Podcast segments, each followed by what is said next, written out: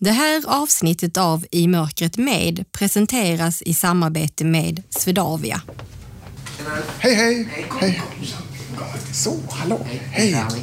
Hej Rami! Hej, trevligt. Trevligt. Hur, hur eh, mår du? Jag mår bra. Jag mår Ja. bra. Det är jättevarmt där ute. Ja, det är ju det. Det är ju eh, sommar typ, plötsligen. Ja, verkligen. Mm, mm.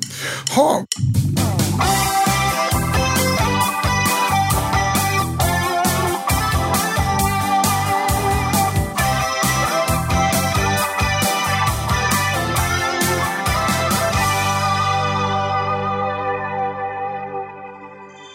Välkommen till I mörkret med. Jag heter Anna Bergholtz. Tack till alla er som lyssnar på oss. Och för att ni inte ska missa något avsnitt av I mörkret med vill vi tipsa er om att prenumerera på podden. Det gör ni enkelt i er podcastapp som kan laddas ner i paddan eller mobilen. Och vet ni, gör ni det så missar ni inte heller vårt nästa avsnitt som kommer, ja, redan i nästa vecka. För då bjuder vi nämligen på vårt första bonusavsnitt. Missa inte det. Nu till dagens avsnitt och gäst. En person som kämpar mot sociala orättvisor och för ett jämlikt samhälle. Som sexåring flydde han med sin familj från Irak och anlände med flyktingbåt till Gotland under hemska omständigheter. Han växte sen upp i Husby och var med och startade gräsrotsorganisationen Megafonen. Idag är han utbildad jurist och brinner för rörelsejuridiken. Vi pratar om allt det här och kommer in på likheterna mellan grupper som bryter normen och den kamp som förs. Det blir också test av andra sinnen än synen och som vanligt bjuder Ulf Nordqvist på livemusik. Ljudtekniker är Jan Dahlqvist. Det här är I mörkret med rättvisekämpen och rörelsejuristen Rami Al-Khamisi. Har du hört talas om Svartklubben förut? Eh, bara hört talas om, men aldrig varit här. Nej. Första gången. Vad bra. Ja. Men du, ska vi göra ett försök att gå in då? Vi gör det. Det tycker jag. Ja. Då ska vi gå fram här borta då. Okej. Så. Bakom här så, så blir det mörkt. Så då, om du tar tag i, i min arm här. Ja, det är så, så Okej. in här genom gardinerna. Det är mörkare och mörkare. Ja, det sker nog ganska fort. Hur känns det? Eh, Spännande. Ja. ja. Lite nervöst också. Ja, Ja. Det ska säga att det är, är inget farligt här inne. Nej, nej. Så det kommer att gå bra. Då ska vi ta en liten högersväng här. Okej. Kommer vi upp, eller in i det som är matsalen. Ja. Där passerar vi in i den. Okej. Du äger alltså den här klubben? Ja, Ja. Hur länge har du haft den? sen 2012 har jag hållit till här på Södermalmsgatan. Mm. Nu kommer du upp på en matta. Ja, det märks. Och det är, det är, för oss så är det här som jobbar här, det här är själva motorvägen. Här kan man gå för här är inga bord och inga människor. Så att här är det safe. Och nu när vi kommit runt ett litet pelare så kommer vi i närheten där du ska få träffa på Anna. Ja. För hon sitter här nämligen och väntar på dig. Hej, hej Anna, hej. Hej, välkommen! Tack så mycket. Jag ska- Rami, jag ska sätta din hand på ett stols rygg. Okej. Där är den. Ja, känner du ska sätta Ja, dig så kan ja. där. Hej Anna. Hallå! Hej, hur är det? Det är bra. Själv då? Jo då, det är bra. Det är bra. Hur går det på vandringen in i mörkret? eh, på väg att vänja mig. Ja? Jag tror att det tar kanske en stund att man inser att man har öppnat ögonen men att det fortfarande är mörkt. Mörkt, ja. Det är jätteroligt att ha det här. Tack, tack. Kul att vara här faktiskt. Du ska få eh, bara känna framför dig. Okej. Eh, för att du har ett bord. Ja. Eh, så du kommer lite närmare bordet. Och mikrofonen. Oj, det är sån här eh, typ, ja, Just det. radiomikrofon som Ja. du har framför dig. Känner du Ja, den det där? känner jag. Ja. Just det. Så att, eh, där. Så du inte slår huvudet in. jag Jag var nära, jag var nära faktiskt med munnen där. Men eh, nu, nu, har jag rätt avstånd tror jag. Men du, jag ska se om vi kan hitta varandras händer så vi kan Okej, hälsa ordentligt. ja, absolut. Eh, Jag ska se, nu har jag lagt min fra- hand framme på bordet här. Okej. Så säger där, Där. titta vi hittar direkt. Ja. Du har ringar på dig känner jag. Jag har en, det är en ring som är gjord av kokosträd. Eh, träd. jag köpte den i Brasilien. Så det stämmer, det är en sån. Kokosträd. Ja, Ah. ja kokosträd. Ja. Jag studerade i Brasilien och där fick jag tag på den här. Jag tycker om att ha den i fingret, jag vet inte varför. Ja, är det något minne från Ja, den det, det tiden? blir det. det, blir det. Jag, jag, jag drömmer mig bort ganska ofta och då, då hamnar jag i Brasilien. Ja. Faktiskt. Vi ska prata mer om det Ja, strax, absolut. jag. absolut. Eh, först ska du få beskriva dig själv, Ja, vem du är. vem jag är? Ja, det är en sån, eh, sån, sån fråga som man nästan inte vet vart man ska börja. Men eh, idag är jag 29 år gammal. Eh, snart 30 år fyllda. Jag har precis eh, gått klart min eh, universitetsutbildning. Eh, tog juristexamen. Eh, är syskon till eh, bror till fyra syskon. Eh, och eh, bor i Husby. Eh, hemma fortfarande. Eh, och eh, född i Bagdad. Flyttade till Sverige när jag jätteliten, som sexåring. Eh, pratar olika språk. Portugisiska, arabiska, svenska, engelska. Eh, allmänt nyfiken på människor, eh, på samhället och eh, en person som försöker eh, resa när jag får tillfälle. När skulle du säga att du trivs som fisken i vattnet? Jag skulle säga när jag eh, har fått en fin relation med, med, med, med människor runt omkring mig. Och det kan vara allt ifrån sådana här tillfällen där man får lära känna personer till eh, när man befinner sig i något land som man har besökt och får kontakt med nya människor, eh, besöker nya platser eh, eller kanske läser någonting som man tycker är otroligt intressant och givande. Då kan jag verkligen känna att jag uppskattar just de stunderna. Eh, och- det är berikande. Och eh, jag har väl förstått någonstans på vägen att jag, jag värderar eh, liksom, eh, fina vänskaper, fina relationer. Det värderar jag kanske mer än att ha en jättefin bil eller en dyr lägenhet och liknande. Ja. Eh, och sen mat, eh, det gillar jag också. Du, vilken tur, för det ska vi alldeles strax få in lite Okej. att tugga på. Ja, ja, vad trevligt. Vad Så trevligt. vi kan väl nästan se om Ulf eh, har tid att komma in Ja. och ge oss lite sådant. Mami, här får du ett Ja, glas. tack så mycket. Där står det. Perfekt, tack. Här kommer det en flaska. Okej. Här kommer det en öppnare. Ja. Kan vi se om du kan göra något av Ja, ska jag, jag ska göra det? Ja, du Okej, ska göra det. är du som är här. Okej, ja, jo. Ja, det gick bra. Jättebra. Snabbt. Steg ett gick bra. Det steget gick bra, va? Mm. Ja. Steg två verkar också gå bra. Ja, det där låter perfekt. Det låter bra.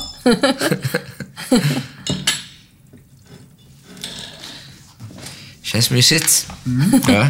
Då ska du få en skål här. En till skål som ser ut på ett annat sätt. Okej. Och jag tänker innan du stoppar Ja. händerna i skålarna Ja, ja. så tänker jag nästan att du ska använda din näsa lite. Just det. Vad gott det luktar. Känner du igen doften? Ja, men jag känner igen doften. Vi tar verkligen djupa... Jag vet inte, det är en bra fråga om jag känner igen. Jag, är- det känns bekant, men jag kan inte sätta ord på vad det är. Nej, Faktiskt inte. Eller får du använda händerna då. Och smaken. Ja. Mm. Wasabi. Ja, Wasabinötter. ja, ja. ja. Du borde ha varit lite bättre på att sä- kunna säga det med... Ja, doften men Ja. ja. Men där är en skål till. Okej. Eh, ska vi se, den kanske du tar lättare och på doften. Här har du Är inte... det frukt, eller? Mm. Är det jordgubbar? Ja, Ja, Okej, ja, tur. klockrent. Ja, det är bra. Ett av två. Ett av två. Men jag äter mycket wasabinötter, men jag vet inte varför jag var... Ja, du gör det. Ja, jag gör det. Ja, och så ändå så var det lite knepigt ja. här. Ja. Jag undrar varför, jag vet inte. Jag, Varför tror du det då? jag tror för att eh, man kanske inte har använt sinnet så mycket när man ska försöka lukta till sig mat och så. Så att det var en ny doft helt plötsligt, som jag har smakat på och som jag såklart har uppskattat och så, men Ja. det var ingenting jag var medveten om vad, vad wasabi luktade. Nej. Men det var ju bra, för jag visste inte att... eh, Jag vet ju inte vad du gillar, så det var ju bra att Nej, du gillar det, i det gillar jag jättemycket. Ja. Vi brukar ha lite så här wasabi-tävlingar när vi äter sushi. Okej. Den som kan ta mest wasabi på, på sushin, jag vet inte. Det började en rolig grej och sen... Hur brukar du ligga till själv i den tävlingen då? Ja, det var på någon, jag fyllde år någon gång, så beställde vi hem till familjen och så var några vänner där och de, ja, de började hetsa varandra vem som kunde äta mest wasabi. Så de började lägga på chips och äta. Ja, Jag var inte bland de topp tre kan jag säga. Jag ska ta en jag med. Ska se Ja, om jag hittar där va? Mm. Yes. Åh! Ja, lite drag i dem ändå. Ja, verkligen. Vi har lite jordgubbar där med. Jag ska som, smaka jordgubbar. Men det var jag lite bättre på att gissa. Ja. Det doftar ganska mycket. Tack för det, det känns gott. Mm. ja, men det är bara att ta för dig. Ja. Vi ska få in lite mer om en liten stund som du ska få gissa lite vad det är. Okej. Du berättade ju att eh, du är eh, en av fem i. Ja. Att du kom hit från Bagdad som Precis, liten. precis, precis. Hur kommer det sig att du hamnade i Sverige? Eh, kanske desto mindre var det ett medvetet val att jag hamna just i Sverige av mina föräldrar. Men däremot så ville de ge sig ut från Irak. Eh, han hade, vi hade ett gott liv i Irak. Eh, pappa var guldsmed. Eh, deltog i ett långvarigt krig mot Iran, vårt grannland. Men märkte väl att landet inte var på väg i bättre tider. Så då, då, då försökte han då samla ihop pengar och eh, vi var nog de, bland de första i, i släkten, eller var den första som då ville be oss ut mot Europa. Det är ovanligt att man flyr som familj tillsammans. Oftast, så, oftast är det då mannen som, som Åker flyr. före. Mm, Precis.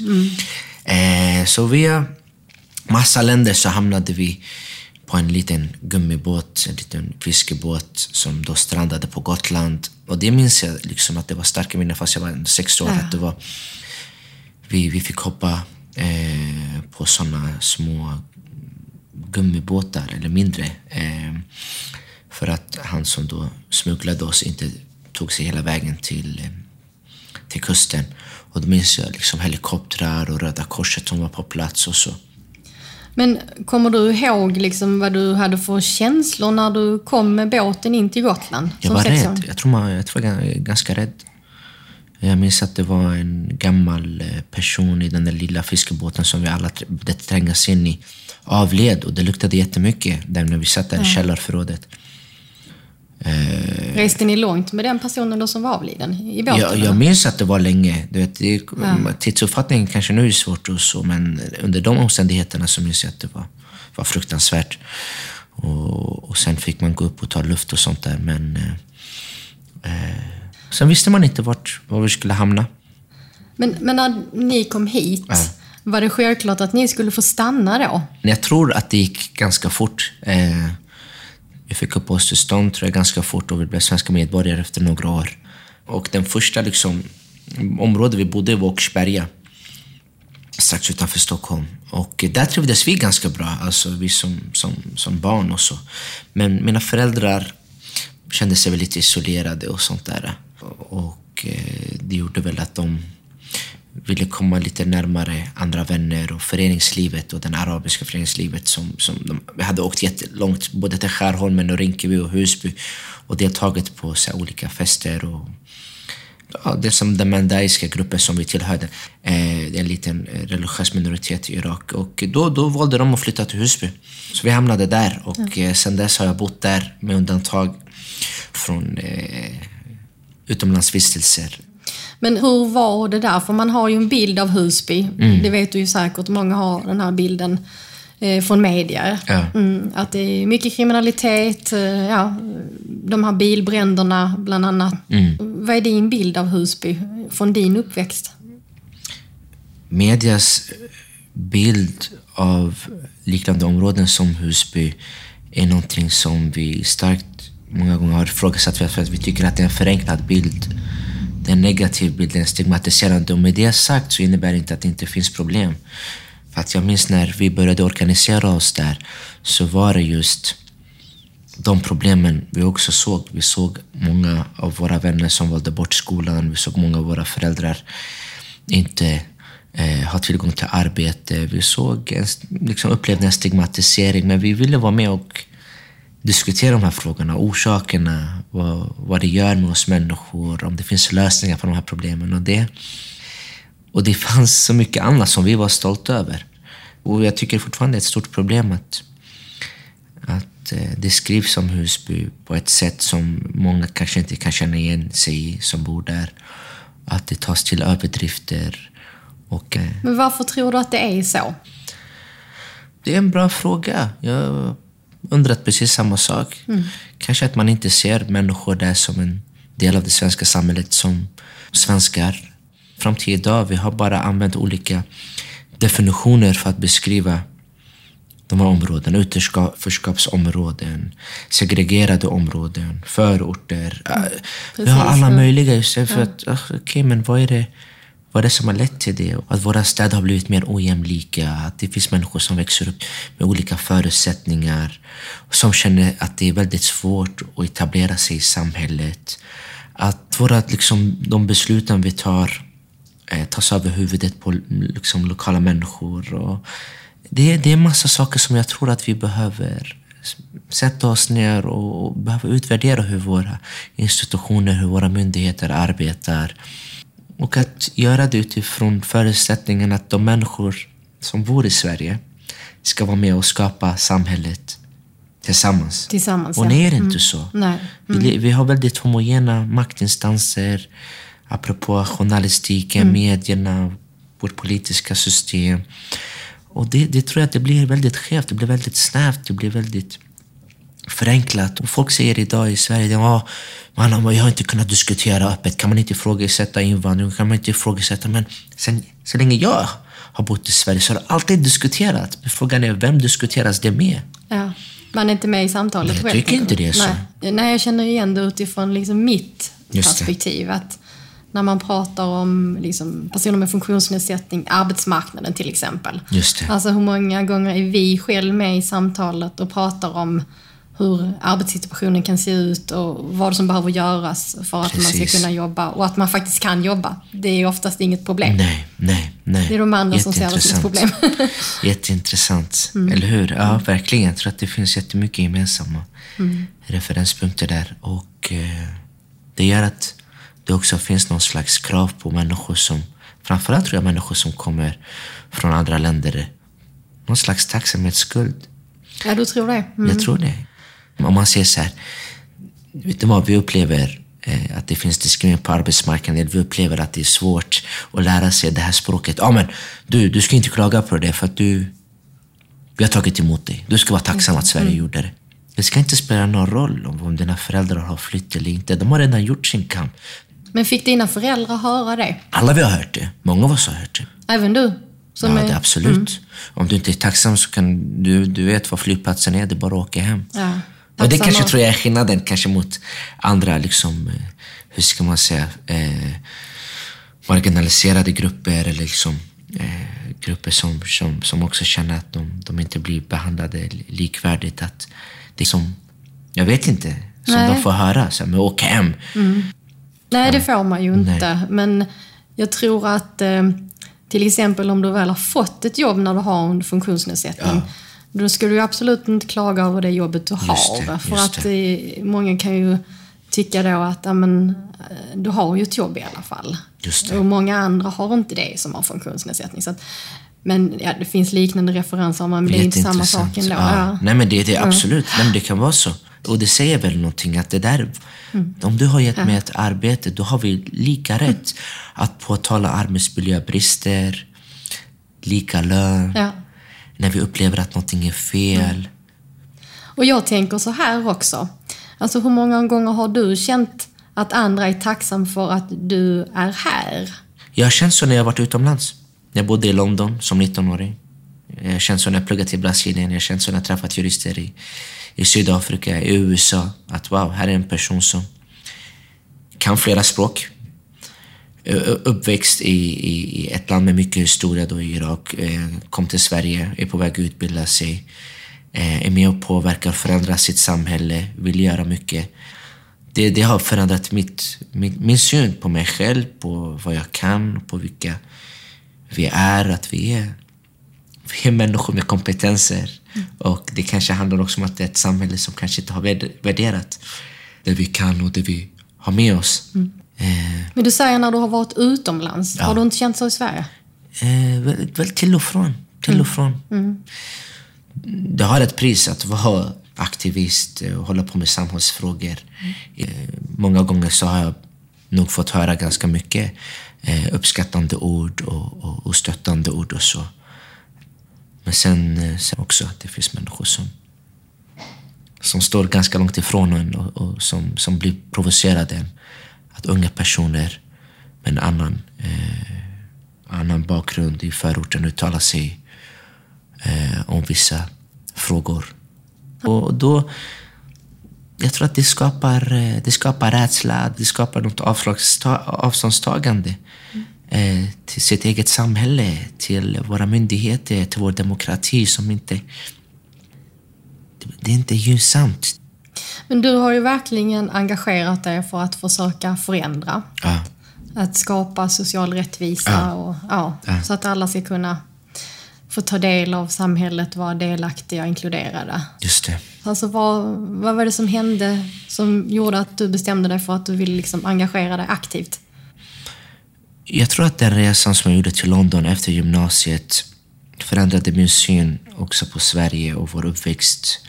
Och det hade samband med att jag, när jag åkte dit och skulle plugga engelska och sen då fick ett jobb, två jobb till och med, eh, började reflektera över hur hur svårt det var att få ett sånt jobb en klädesbutik, exempelvis då i Sverige. När jag kom tillbaka så följde de massa av de här tankarna med. Ja. Och jag ville på något sätt eh, diskutera dem med andra. Och det var också under de åren som jag såg hur mina föräldrar hade det när jag begav mig till skolan. Att de ville jobba. Men de fick inte möjlighet till det. Folk ville jobba, folk kände sig deprimerade, folk kände sig utslagna när de inte kunde ta mm. del av samhällslivet och ha en fungerande ekonomi. Och med den kombinationen av just resandet och alla de här sakerna jag mm. såg och upplevde, det skapade en frustration hos mig. Mm. Det här är inte bra och det här, det här vill jag vara med och förändra. Mm. Men jag läste också att när du var 19 år gammal så bestämde sig du och dina kompisar att ni skulle ut på stan och gå ut. Just det. Vad hände då? Ja, men det stämmer. Det var, det var också en, en sån incident som fick mig att tänka mycket kring rättssystemet. Att vi, det var första gången som jag och mina vänner då ville, ville in till, krogska, äh, till, till, till krogen och vi blev nekade och vi hade inte alls druckit, vi var välklädda och sånt där. Eh, så han nekade oss och sa ja, jag är inte med på gästlistan så tyvärr så kommer ni inte in. Och eh, då blev jag ganska arg, mina vänner också. Vi tjafsade inte mycket emot, men jag försökte ändå säga till honom att det han gjorde var fel. Och så ville jag göra en, en, en polisanmälan, jag försökte anmäla honom för diskriminering och så. Men mina vän, för, vänner avfärdade det och sa att det där kommer inte hjälpa. Jag tror att det ska hjälpa. Du ska alltid mm. hålla på och prata om rättvisa och sånt där. Mm. Eh, och då berättade vi här dagen efter då till andra äldre kompisar i Husby. Och de, de garvade minst lika mycket, om inte mer, och sa hur, vad tänkte du på när du försökte eh, liksom anmäla det här? Typen? Det är bara att vänja sig, det är bara att gå vidare. Vad var det dina kompisar i Husby då menade att ni skulle vänja er vid? Vänja oss att det här inte det här är inte vårt land. Alltså, mm. Vi får vänja oss att vi, kommer, vi blir annorlunda behandlade. Mm. Och inte som svenskar då. Eh, för att vi ser som vi gör. Och slösa inte din energi. Gå inte runt och må dåligt för det. Och det var deras försvarsmekanism och det har jag aldrig kunnat acceptera. Men när ni stod där i krogkön ja. och de sa nej. Ja. Alltså varför tror du att de sa nej? Det är också en bra fråga. Jag vet faktiskt inte. Eh, och jag tror att det kanske de tänker att men här kommer det vara här kommer det leda till problem, det kanske blir bråk. Ja. Och du vet, ibland har vi känt att... Eh, och det här är något vi har fått lära oss. att platser, eller det kan vara fotbollslag eller bostadsområden, skolor. När det blir för många personer med utländsk bakgrund, då har vita svenskar valt att byta. Och det där, det kan, där kan låta kontroversiellt i vissas öron. Men det där, du vet, ah, men helt plötsligt blir den här klubben blatteklubb. Skola. Ja. Det blir inte fint. Det Då blir inte inte status. Ah, Nej, många ah. de väljer bort det. Ja, det är ofattbart. Nej, men det, det, det är Mm. exakt, det är exakt så vi har upplevt det. Och det där är inte sagt att det inte, att det inte är personer, icke-vita personer som också kan säga det. Men du var ju med och startade Megafonen. Det stämmer. Berätta, vad är Megafonen för något?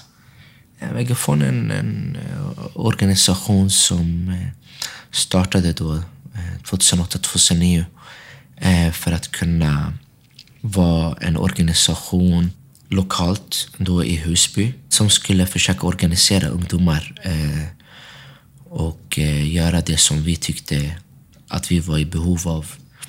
Både socialt och senare kom det bli mycket politiskt arbete och opinionsbildande arbete. Så vi höll på allt ifrån folkbildningsverksamheter, harakat där vi bjöd in eh, tunga experter och, och, och, och så, till läxhjälp, till kulturverksamheter. Alltså syftet har väl på något sätt ändrats under tiden, men jag skulle säga kärnan av Megafonens arbete har hela tiden varit att försöka eh, socialt och politiskt organisera människor och få människor och eh, skapa egna plattformar för samhällsförändring. Eh, och sen absolut, vi anor- anordnade demonstrationer, protester när vi kände att eh, det var vissa politiska beslut som vi inte var överens om. Först typ nedläggningar av skolor, av eh, samhällsservice, vårdcentraler. Vad skulle du säga att Megafonen har betytt för Husby och alla som bor där? Jag tror att det har stärkt många. Eh, Man har blivit mycket mer eh, samhällsintresserad, mer politiskt medveten och kunnat eh, se exempel på där människor, eh, där vi har kunnat göra en förändring. Eh, Kan du ge något sånt konkret exempel?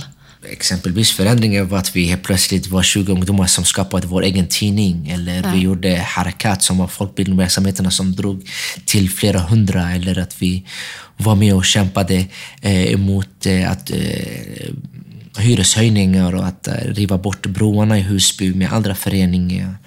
Och få, få människor känna sig stolta. Jag ska ta in Ulf här. Ja. För vi ska få höra lite musik. Okej, vad trevligt. Jag behövs. Du behövs.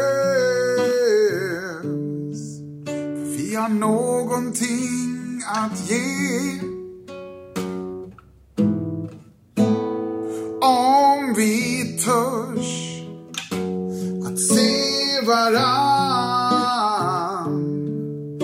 och de gåvor vi har fått.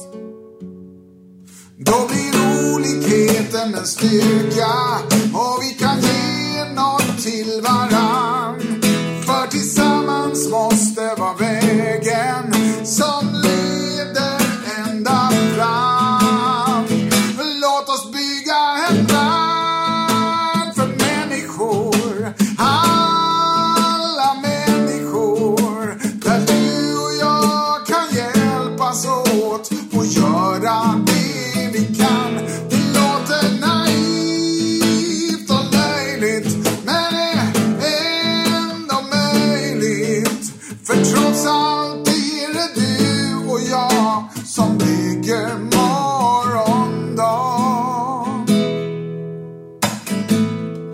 Varje röst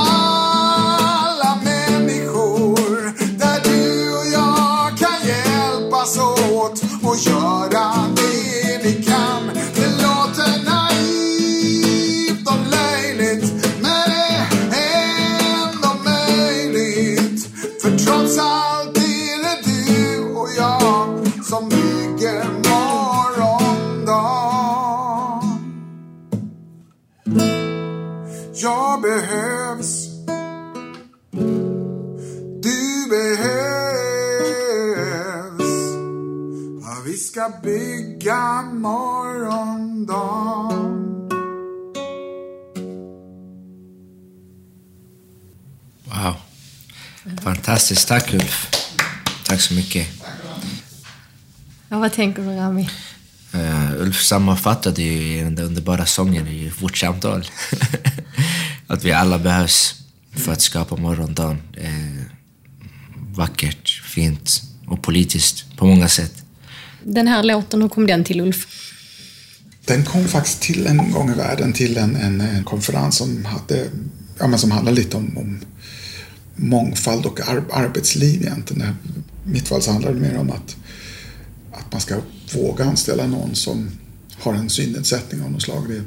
det, är inte helt naturligt att, att, att vi har jobb i vår grupp. Man blir liksom inte betrodd riktigt som blind. Och, så det var väl liksom i, i ett sånt sammanhang som jag skrev den här till, till en, en stor konferens. Jag blir så oerhört frustrerad. Jag tycker det är så onödigt när man inte tar tillvara på alla människor.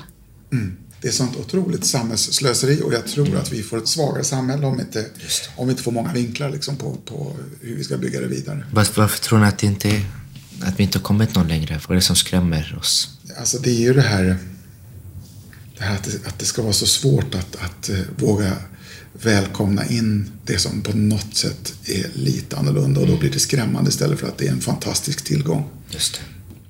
Då tänker jag, är det den sociala biten som folk kanske då... Tror det är jobbiga. Att de tror att arbetsplatsen socialt blir tuffare. Det ska dyka upp frågor på arbetsplatsen som de inte kan hantera. Eh, jag vet inte, men vi verkligen, det går jättelångsamt. Mm.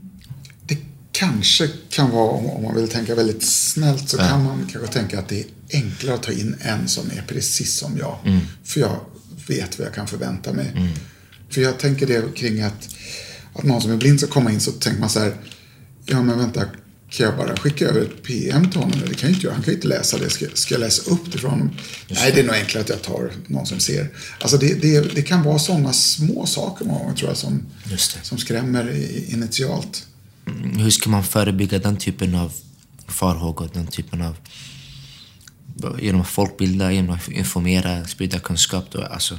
Alltså jag tror att, egentligen så tror jag att politiska eh, beslut och politiska saker är väldigt viktiga att blanda in. Men om vi ska se bortom det ja. så är det ju så måste vi alla själva vara med och bygga den här öppenheten mm. Eh, mellan oss. Och, för min del så, så handlar det om att eh, jag gör det jag gör här på Svartklubben. Jag tar in folk i min vardag och försöker på något sätt visa på är, det farligt att sitta i ett mörkt rum eller är det inte farligt? Liksom, eh, vad är det som skrämmer och vad är det som blir sämre? Men mm. vad framförallt är det som blir bättre av att vi släcker lampan och blir blinda för en stund? Jag tror att personliga erfarenheter och upplevelser tror jag är jättebra. Ju mer vi kan blanda oss, liksom, ju bättre kommer det att bli. Nej, jag håller, jag håller helt med Ulf. Alltså det, är, det här är väldigt konkret. Att kunna skapa en plats där människor då är välkomna eh, och få ta del av samma upplevelse på något sätt.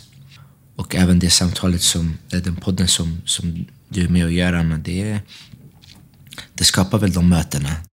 Nu ett kort avbrott för att möta vår samarbetspartner Svedavia och Maria Akrén, en av teamcheferna för ledsagning på Arlanda.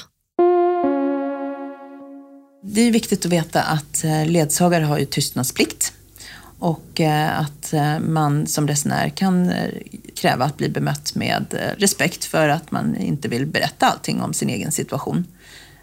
Och att vi ska anpassa oss efter det. Vad upplever ni som jobbar med passagerarservice och ledsagning är det viktigaste för resenären? Jag tror att det är känslan av trygghet. Att veta att det kommer att funka hela vägen ibland så får ju resenären sitta och vänta, för så är det ju med, det är ju viktigt att veta att eh, assistans är inte VIP-service, utan man ska kunna resa på samma villkor som andra resenärer.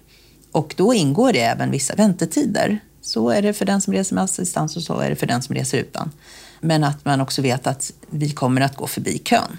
Så sitter man vid säkerhetskontrollen och ser en lång kö och blir lite nervös, man tycker att det dröjer innan ledsagaren kommer, så ska man veta att man ska inte stå i den där långa kön. Utan för att vi ska kunna göra ett effektivt arbete så måste vi gå förbi köerna, annars skulle det inte fungera. Eh, generellt så säger flygbolagen att om du kan ta dig till en nödutgång själv så får du resa utan assistent.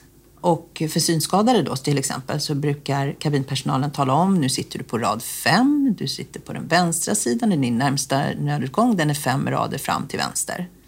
Och visa eh, var någonstans man har sin eh, syrgasmask och man får känna och klämma på, på flytvästen. Det är där som man visar de andra passagerarna visuellt. Men eh, om man har en, till exempel en förlamning från halsen och neråt, då finns det ingen möjlighet att man kan ta sig ut själv. Och då måste man resa tillsammans med någon. Men är man förlamad från midjan och neråt, generellt så brukar man få resa eh, själv. Därför att då kan man ju ha full styrka i armarna och kunna ta sig ut med hjälp av armarna. Och det här är ju upp till flygbolagen och deras säkerhetsregler. Så man måste kolla med sitt flygbolag om man har en svår funktionsnedsättning, att man kollat av så att man inte får en, en obehaglig överraskning när man kommer till flygplatsen. Men eh, du har ju utbildat dig till jurist. Det stämmer. Ja, varför valde du just juristbanan? Det följde väl med någon slags eh, eh, behov eh, av mig och eh, förstå vårt rättssystem och våra lagar och, och, och, det språk som kunde användas och som används ganska byråkratiskt och, och så.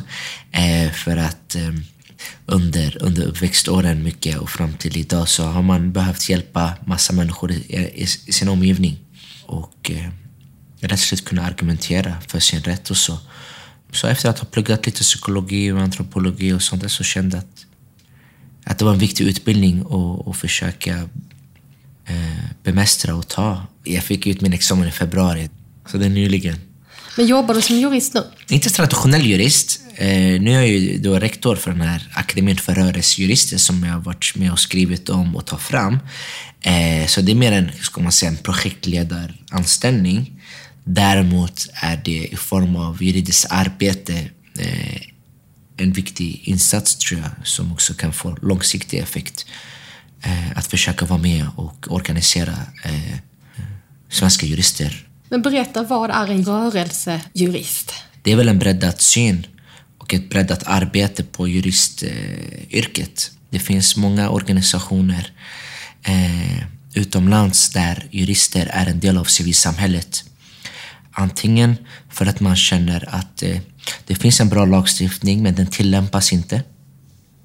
Och därför måste det finnas då jurister som tvingar eh, domstolarna att tillämpa den här lagen på ett ändamålsenligt sätt.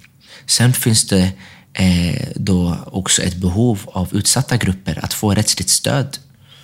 Eh, allt från rådgivning till att eh, tillgängliggöra eh, dokument till lagstiftningsarbete. Jag tänker nog oftast att många har en bild av att en jurist, ja men en sån anlitar man om man har pengar, man hamnar Absolut. i orättvisa. Och Absolut. Det är inte för mig. Nej. Nej, du, och det har du helt rätt i. Där har vi en annan rättskultur i Sverige där eh, de flesta jurister har då eh, antingen företrätt väldigt starka intressen i form av privata aktörer, näringsliv, staten, myndigheter. Och eh, för mig då som eh, som kom liksom, från Husby med de erfarenheterna. Jag tror att juridiken kan användas på lite andra sätt. Mm. För när du har varit i andra länder, då, då jobbar man mer liksom inom civilsamhället med Absolut. juridik och, och Absolut. Ja. Och det har med vår, kanske med vår historia att göra. Alltså, det finns, ta Sydafrika som, som har haft liksom eh, koloniserat. Precis, och sen apartheid när det var sådana rasistiska och diskriminerande lagar eh, behövde både utveckla ett politiskt arbete eh, och eh, social mobilisering bland olika grupper och så. Men också se juridik som ett verktyg att företräda människor. Och jag tror att det behovet växer även större i Sverige. Och det behöver ingen övertyga mig om egentligen. Mm. Och det var därför som jag skrev och som jag nu tar fram den akademin. Eh, med både Arena, ED eh, e och Hyresgästföreningen och ABF att det finns behov hos olika grupper. Mm. Funktionshinderrörelsen genom lagen som verktyg, Centrum för sociala rättigheter nere i Lund som fyller ett jätteviktigt arbete. Folkets jurister här med hbtq-personer. Och, och med det sagt så ska man som sagt inte vara naiv och tro att juridiken och, och arbetet med lagarna ändrar allt, utan det fyller ett visst behov. Eh, Du har ju tagit fram tio principer för rörelsejurister. Det är ju från din rapport då, Det som du har stämmer. skrivit. Det Mm. stämmer. Eh, De här principerna ska på något sätt försöka fånga just eh, interaktionen mellan juristen och vanligt folk. Alltså, eh, antingen organiserade personer eller eh, personer då som eh, juristen ska till, arbeta tillsammans med. Och du, du, du kanske hör att jag inte har använt ordet hjälpa. Jag, du har inte hör, kanske hört att Nej, jag... det har du inte sagt. Nej, Hur kommer det för, sig? för det är inte så jag ser på eh, rörelsejuristens roll. Utan rörelsejuristens roll ska se eh, sig själv som en del av ett större sammanhang. Man ska inte ha den centrala rollen. Och när vi hamnar i vissa rum och vissa sammanhang så finns det en tendens att juristen får uttala sig mest. Man lyssnas på mest. Men ska man jobba närmare grupper som själva upplever ett visst förtryck och som kanske själva sitter inne med lösningar så ska inte juristen ta den, kanske den platsen som man kanske är van att göra utan våga vara lyhörd, våga lyssna, våga erbjuda alternativ. Säga, det här är det rättsliga, men vi kan också göra så här. Så det skriver jag lite om och problematiserar och vänder och vrider på det i någon slags maktförhållande. Jättespännande. Och den här skolan, berätta bara lite kort om den. Den här akademin för rörelsejurister anordnas då i slutet av augusti. Vi vänder oss till eh, Eh, juriststudenter, unga jurister, eh, människorättsaktivister som på något sätt är intresserade av att arbeta rörelsejuridiskt och eh, vill vara med och, och, och stötta och, och organisera sig eh, tillsammans med andra och har behov av att diskutera de här sakerna och få lite konkreta verktyg att ta med sig till, sina, till sin egen organisering. Kommer det här fortsätta sen efter sommaren? Hur vi tar vidare akademin, det håller vi på att diskutera om det ska vara återträffar och, eh, och mer, liksom, mer verksamheter som bygger vidare på det. Men ni jobbar på att liksom organisera rörelsejuristerna med? Precis, precis. Nej, det är ett jätteviktigt jobb du gör och många andra med. Som jobbar inom civilsamhället, tänker jag. Ja, tack så mycket. Detsamma. Mm, ja. Eh, Vi ska få in lite dricka till Ja, här. okej. Tänker att du ska få Ja. testa en grej till innan vi pratar vidare. Okej. Rami, ska du få... Du ska få varsitt glas här? Ett glas. Okej. Yes. Och jag vet ju att eh, du är laktosintolerant. Ja. Så det är inte laktos i det här, även om det kanske kan kännas som att det är det. Okej. Mm, Ja. Så du vet om det. Tack för varningen. Ja. Jag har också här, så jag tar också en klunk. Oh, wow. Ska du be mig gissa nu där? Ja. jag har själv aldrig testat det här förut, men jag vet ju vad det är för någonting. Milkshake, eller? Ja, inte. det är någon form av eh, smoothie, men jag vill ju veta... Vilka smaker? Yes. Ja, jag vet Mm. inte. Alltså, oh, wow. Är, är det vanilj? Bra! Är det bara vanilj? Nej. Nej, banan. Kan man blanda banan och vanilj? Nej, det kan man inte. Vanilj. Jo, det kan man nog. Får jag ta en till? Drick på du. Är det någon frukt? Det är en frukt. Det är inte banan. Det är inte ananas. Ska jag ge någon ledtråd? Du är inne på rätt spår. Frukt. Det är kanske lite otippad kombination ändå. Okej, men vad kan det vara med vanilj som man blandar som det blir så gott? Tyckte du om det? Jag tyckte om det jättemycket. Men Ja. jag, vet, jag har svårt. Nej, jag kommer inte... Ska jag säga? Ja, gärna. Päron och Ja, vanilj. herregud.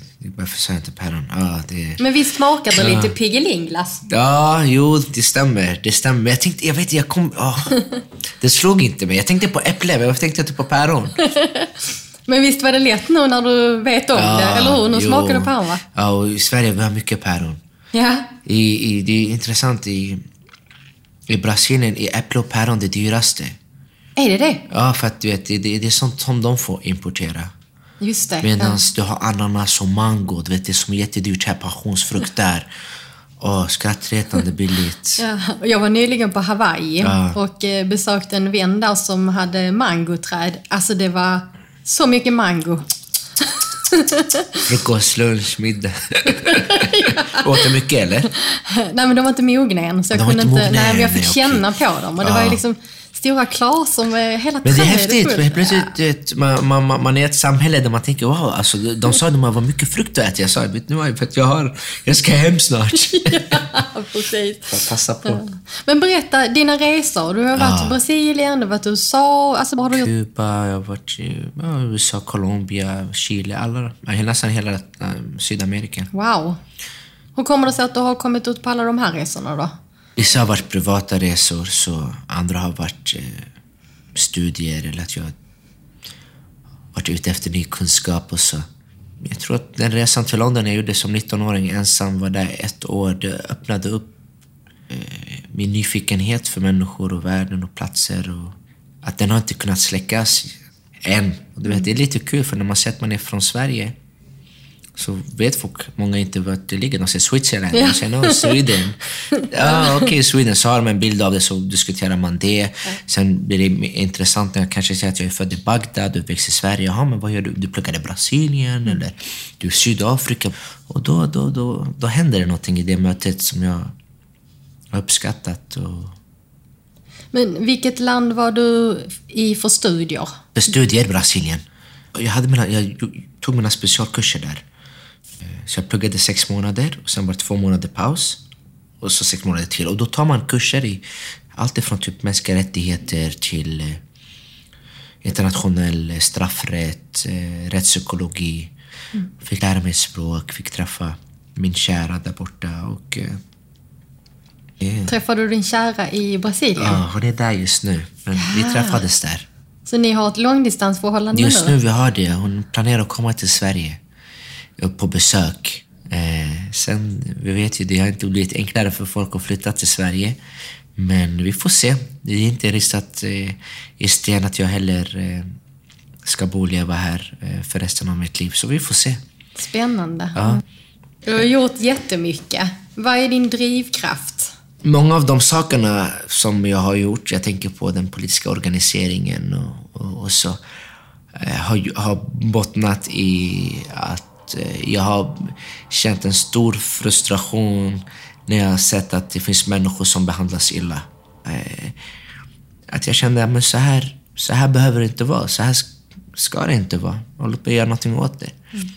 Eh, Min drivkraft av att resa och studera och träffa folk är en stor nyfikenhet.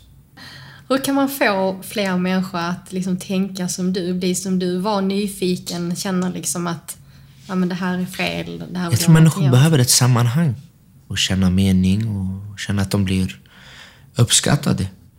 Jag tror att jag, när jag var redan 14-15 år, bland eh, vissa så eh, enstaka lärare, fritidspersonal, blev uppmuntrad. Rami, du, du är bra på att tala, du är bra på att få med dig människor. Borde inte du gå och vara med i elevrådet? Borde inte du sitta med i, i stadsdelsnämndens ungdomsgrupp? Och då, det, det händer något med en människa och man känner att man har något att bidra med och få göra precis som Ulfs sång handlade om. Hur ser du på framtiden nu då, Rami? Alltså, jag brukar bara säga att när det gäller min egen framtid, att jag kommer nog finnas där jag behöver finnas. Fortsätta jobba nära människor eh, och känna att jag gör mening i det jag gör.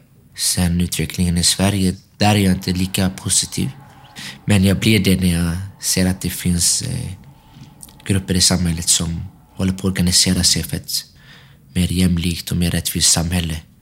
Och eh, det vill jag vara med och, och, och stärka och, och, ge verktyg till och, förbättra. Du ska få lite snabbfråga av mig. Okej, Te eller kaffe? Vad gillar du bäst? kaffe, Chips eller smågodis? chips, Teater eller konsert? teater, Vad är det du gillar med teater? drama. Du fängslas av de här berättelserna, skådespeleriet. Jag är, jag är en lugnare person eh, än, än jag kanske verkar och så. Men konserter, det, det blir för mycket kaos för mig. Det blir... Okej. Ja. Hemmakväll eller utekväll då? Rami innan 25 utekväll, Rami efter 25 hemmakväll. Okej, så det ser ut. Lyssna på musik eller musicera själv? Nej, jag är värdelös för musik, men eh, lyssna själv definitivt. Vad lyssnar du på? Eh, just nu mycket brasilianskt. Eh, delvis lite arabisk på morgonen, klassisk musik när jag jobbar. Olika, Olika ma- stämningar? absolut, olika, absolut. Ja. Eh, Stuga på landet eller globetrotter resa runt? Egentligen skulle jag vilja säga både och, men jag har ingen stuga på landet. Men det skulle vara fantastiskt om jag en dag fick, fick det. Men så jag säger det första då, resa runt i världen medan jag... Idol eller debatt? Ja, vilken svår fråga. Vi säger debatt. Jag trodde du skulle säga debatt absolut med en gång. Men det, den, ibland, ibland eh, har man inte tyckt att eh, det är jättevärt att se debatt, men eh, den är mer bildande om man säger så. Ja. Ja. Kött eller vegetariskt? Jag är inte där än, typ, jag håller på att bli eh, vegetarian, men jag skulle vilja det. Men just nu är det kött faktiskt. Ja, jag är likadan. Jag försöker dra ner på va? kött. Det är Ah. svårt att helt sluta. Ja, jag förstår. Jag tycker det är gott, Det tyvärr. är gott, det är gott faktiskt. Barn eller vuxna? Nej men, eh, barn, jag kan liksom skoja runt och leka med och sånt där, men sen de, de har bra energi och jag hänger inte med där sen. Jag blir lite, ja. Det låter som du är jättegammal. Nej men du vet, de, ja, jag vet inte. ja, det är så vuxna faktiskt. Ja. Nya människor eller gamla vänner? Ja, vågar man säga nya vänner? Eh, ja, jag säger nog det. Katt eller hund? Katt. Sista fråga. Skriva eller läsa? Oh, vilken svår fråga. Jag ser läsa. Jag ser läsa just nu. Men skriva älskar jag också. Men läsa, det, det, krävs lite mindre av mig då. Du då? Alltså jag läser väldigt mycket. Du läser väldigt Mm, Men jag skriver också väldigt mycket. Men läsa är ju min eh, avkoppling. Ja, det är din avkoppling. va? Ja. Jag lyssnar mycket på ljudböcker. Jag tror jag lyssnade på 70-80 ljudböcker förra året. Wow. Du ska få en liten present av mig. Det känns som att den, det här har varit en hel... Det är en present det här. Ja, men du ska få någonting med dig. Okej. Och det är så här, när man sitter i mörkret så behöver man egentligen inte slå in det. men det är lite halvt inslaget ändå. Ja, okej. Ska vi se, där är du. Där är jag. Där. Ska jag Ska vi se den om du kan så? gissa vad det är för någonting. Ska jag gissa? Ja. Anna, du gillar de här grejerna. Gissa. Så. Jag gör det. Är det choklad? Nej, det är det inte. Det är inte choklad. Nej. Är det ljus? Ja. Det är ljus, Det är va? ljus, ja. Jag tänkte se det från, först, alltså från början. Jag tror att, ja, tack så mycket. Vet du vad de ska komma till användning? Nej. Jag ska försöka ja, i mitt rum på morgonen Ja. för att komma ner i varv lite. Ja, för du bor hemma fortfarande va? Jag gör det. Ja. Du doftade lite på dem där. Ja, det var jättegott. Och vad är det för doft då? du, verkligen... Jag vågar inte säga fel. Är det vanilj? Ja, det är bra. tur. Ja. Tack, tack. Eh, Jag eh, köpte ljus till dig för att jag tycker att du liksom tänder ljus och hopp inför framtiden. Ja, Lite så. fint. Tack så mycket, Anna. Och eh, jag är jätteglad att jag bjöds in. Och eh, du frågade mig vad, vad, när, vilka tillfällen som man trivs som fisken i vattnet. Och det var ett sånt tillfälle både eh, att vara här och träffa dig och Ulf. Ja. Jättefint, jättefint. Hur känns det nu att ha suttit här i mörkret och blivit intervjuad då? Det känns lite speciellt om jag ska vara ärlig. Dels har du ställt väldigt intressanta frågor och du har en, liksom en väldigt fin så, röst. Men också att jag typ tar emot orden lite annorlunda. Jag är mer medveten om mina ord, om hur det liksom, jag tar till mig dem. Och, Varför tror du det är så då? Fokusen blir kanske mer på orden och lyssna. Och sen försöka formulera någonting som man vill ha sagt och det blir inte så mycket andra intryck. Har fått eh, smaka på vissa saker här. Det var annorlunda i det, lite kul och så. Så det varit lite så här en, jag vet inte om det har varit meningen, men någon slags hemmakänsla. Att man sitter och samtalar med en person som man tror att man har träffat flera gånger. Ja, vad härligt. Ja. Ja. Nu ska du få eh, skriva i boken här. Okej. Ja. I vår gästbok. Okej. Så nu ska vi se om jag hittar dig här. Ja. Eh, bland alla glas och... Eh, ska se. Här har du en bok, jag tror där va? Just det. Jag är kall om mina händer, du är varm om dina händer känner jag där. Känner du boken där? Jag känner boken. Mm. Och så ska du skriva på den sidan där det är mest papper. Okej. En liten autograf. Ska jag skriva en liten autograf? Ja, Okej. Du får skriva vad du vill. Så. Vad har du skrivit nu då? Jag skrev tack och sen min autograf. Ja. Jag var rädd att skriva mycket mer, men vad, vad var du rädd för då? att... eh, Jag vet inte, att jag inte skulle skriva särskilt bra. Men Att det inte ska kunna vara läsbart eller? Ja. ja. Jag är säker på att det blir jättebra. Vi får väl titta på det sen ut i ljuset. okej. Tack så mycket, Anna. Tack så jättemycket för att Tack du kom detsamma, hit och, och delade med dig av ditt liv och ditt arbete. Och lycka till! Tack detsamma, verkligen. Ja. verkligen. Och eh, det var en stor ära att, att komma och jättefint samtal. Och jag önskar verkligen dig och, och, och Ulf eh, liksom lycka till i det här. Tack för att du lyssnat och tack till vår samarbetspartner Swedavia som du kan läsa mer om på vår hemsida imokretmed.se.